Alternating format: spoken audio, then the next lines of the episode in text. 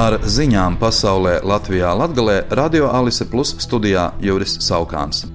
Gazas joslas kaujinieki šonakt un rīta stundās atkal raidīja raķetes uz Izrēlu, vairāk kārt izziņota trauksme. Rezultātā Izraēlas armija Gazas joslā atsākusi kaujinieku grupējuma Hamas pozīciju bombardēšanu. Armijas paziņojumā teikts, ka veikti triecieni pa Hamas tā dēvētā drošības aparāta pozīcijām, kas nodarbojas ar oponentu izspiegošanu, tāpat pa tuneļiem, štābiem un ieroču noliktavām. Izraēlas armija, atbildot uz Izraēlas apšaudīšanām no Sīrijas teritorijas, devusi triecienus arī militārajai infrastruktūrai Sīrijā. Rezultātā bija apturēta divu Sīrijas galveno lidostu darbība Damaskā un Alepo. Ir bažas, ka karš Gazas joslā var izvērsties plašākā konfliktā, sāsinot saspīlējumu ar Sīriju un Irānas atbalstīto Hizbollah Libānā.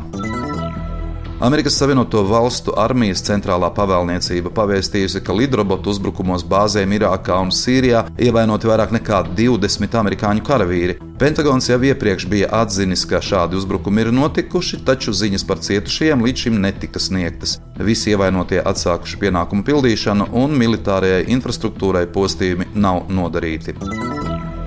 Krāslavas peldbaseina ēkai par nepilniem 200 tūkstošiem eiro uzstādīta saules kolektoru sistēma ar kopējo jaudu 100 kW karstā ūdens sagatavošanai un saules moduļu sistēma ar kopējo jaudu 52 kW elektrības ražošanai. Tas ļaus samazināt primārās enerģijas patēriņu par 266 tūkstošiem kWh gadā. Saules enerģijas parka uzstādīšanu, investējot vairāk nekā 240 tūkstošus eiro, sākusi arī Sijā alūksnes putnu ferma. Paredzēts, ka līdz šā gada nogalē saules enerģijas parks tiks nodots eksploatācijā.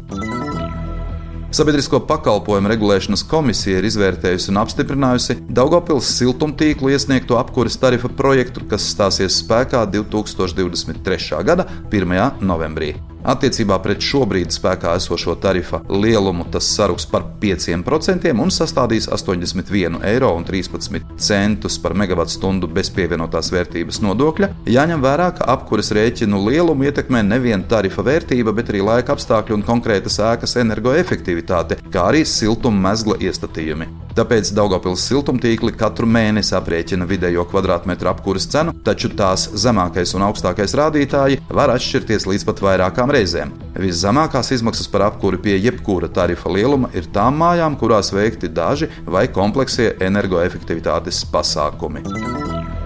Daugopils valsts pilsētas dienas aprūpes centra personām ar garīga rakstura traucējumiem iestādes ēkai Arhitektu ielā 21 Daugopilī pabeigti energoefektivitātes uzlabošanas remonta darbi, par kuru veikšanu pirms gada bija noslēgts līgums ar Sijā Belmast būve. Būvdarbu veicējs ir izpildījis visus būvdarbus saskaņā ar grafiku.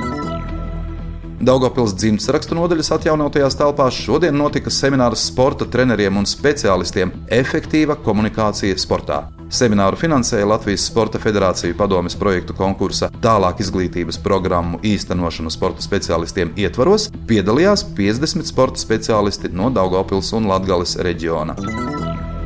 Latvijas rajona tiesa Rezeknē lēmusi nemainīt drošības līdzekli un paturēt apcietinājumā Rogovkas meitenes nonāvēšanas lietā apcietinātos tēvu un pamāti. Abi apcietinātie savu vainu atzinuši, bet daļēji. Septiņus gadus vecā Justīna Reinikova pazuda Rezeknes novada Nautrēnu pagasta Rogovkā 5. maijā. Ar ziņām studijā bija Juris Saukāns par ziņu raidījumu ziņas bez robežām pasaulē Latvijā Latgalē saturu atbildes Jā Alise Plus. Projektu finansē Mediju atbalsta fonds no Latvijas valsts budžeta līdzekļiem.